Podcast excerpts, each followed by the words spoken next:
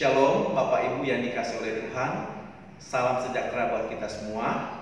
Kita bersyukur lagi karena pada hari ini Kita boleh bersama-sama dapat membaca dan merenungkan firman Tuhan. Sebelumnya mari kita berdoa. Terpujilah Engkau Allah Bapa di surga Bapa yang baik. Kesempatan kami boleh membaca merenungkan firman Tuhan Berkati kami semua, Roh Kudus menolong kami untuk boleh mengerti kebenaran firman-Mu. Di dalam nama Tuhan Yesus kami berdoa. Amin. Bapak Ibu, Saudaraku yang saya kasih di dalam Tuhan, kita akan membaca firman Tuhan yang terambil dari Injil Matius pasal yang kedua, ayat yang ke-10 dan ayat yang ke-11. Ketika mereka melihat bintang itu, sangat bersukacitalah mereka maka masuklah mereka ke dalam rumah itu dan melihat anak itu bersama Maria, ibunya. Lalu sujud menyembah dia. Mereka pun membuka tempat harta bendanya dan mempersembahkan persembahan kepadanya, yaitu emas, kemenyan, dan mur.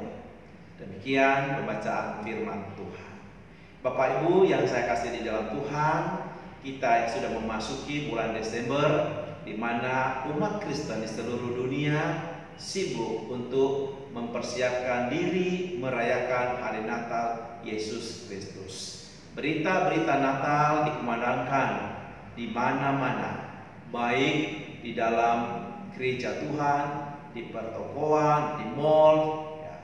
Namun saudara-saudaraku dari semuanya itu yang terpenting bagi setiap kita di saat kita merayakan Natal, apakah kita boleh terus diingatkan akan kisah-kisah di seputar Natal tersebut. Hari ini kita belajar lagi bersama dari peristiwa di sekitar Natal Yesus Kristus. Di mana di dalam bacaan kita hari ini berbicara tentang orang-orang Majus yang dari timur mereka pergi menjumpai Tuhan Yesus Kristus. Saudara-saudaraku yang dikasih oleh Tuhan, kita tahu siapakah orang Majus. Orang Majus itu mereka bukanlah orang pilihan Allah. Mereka bukan uh, umat Yahudi atau umat Israel. Namun berita kelahiran Tuhan Yesus Kristus itu sampai ke telinga mereka. Nah itulah sebabnya pada waktu mereka tahu ada seorang raja juru selamat yang telah lahir. Itulah sebabnya kemudian mereka pergi untuk mengunjungi, pergi untuk berjumpa dan melihat sang juru selamat itu. Saudara-saudara yang, yang saya kasihi di dalam Tuhan, perjalanan daripada orang-orang majus ini bukan suatu perjalanan yang mudah, bukan suatu perjalanan yang singkat, tapi satu perjalanan yang sangat-sangat jauh dan itu membutuhkan waktu yang cukup lama. Itulah sebabnya kalau kita melihat dalam baca ini dikatakan mereka itu bertemu dengan bayi Yesus sudah ada di rumah, bukan lagi di kandang, ada di rumah. Itu artinya pada waktu mereka mendengar ada kelahiran dan mereka akan mengadakan perjalanan itu cukup jauh sampai dikatakan bayi Yesus itu sudah ada di rumah Maria. Nah, saudara-saudaraku, dari perjalanan orang-orang Majus ini menuju ke tempat di mana Yesus berada, apa yang bisa kita pelajari? Nah, kita akan belajar bersama-sama satu tema mempersembahkan yang terbaik buat Yesus. Mempersembahkan yang terbaik buat Yesus. Yang pertama kita belajar bahwa orang-orang Majus ini mereka mempersembahkan waktu mereka yang terbaik untuk berjumpa dengan Yesus. Saudara-saudara, mengapa saya katakan seperti ini? Karena itu satu perjalanan yang membutuhkan waktu yang tidak uh, singkat, tetapi waktu yang sangat panjang.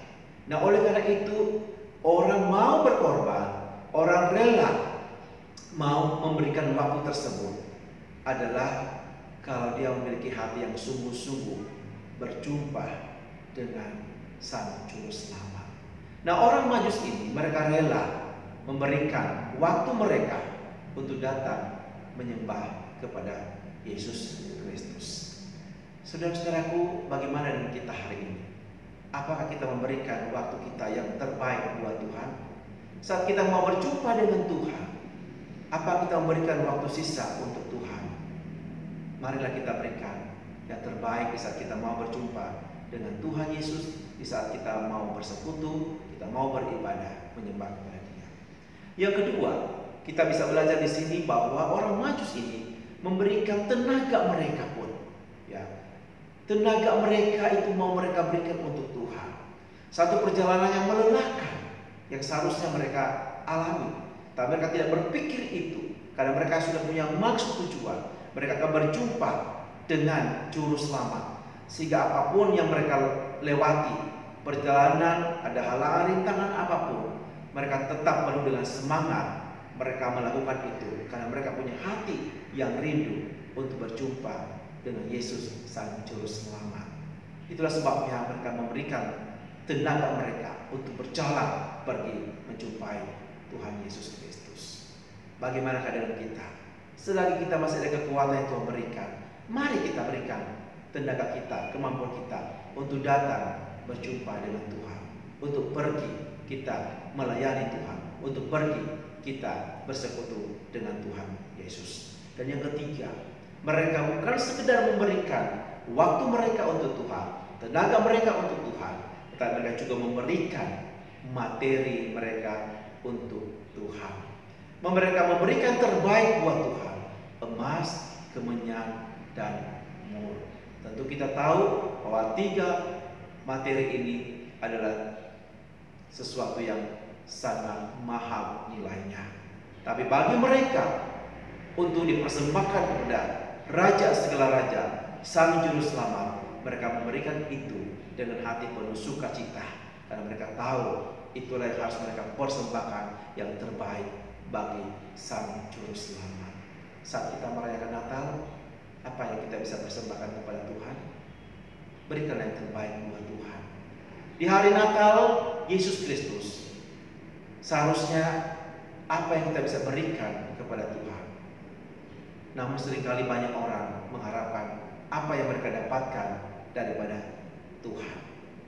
Hari ini saudara dan saya merayakan. Mari kita merenungkan. Berikanlah yang terbaik dari hidupmu untuk Tuhan. Persembahkanlah yang terbaik dari hidupmu, hidup kita kepada Tuhan. Kira Tuhan Yesus memberkati kita semua. Amin.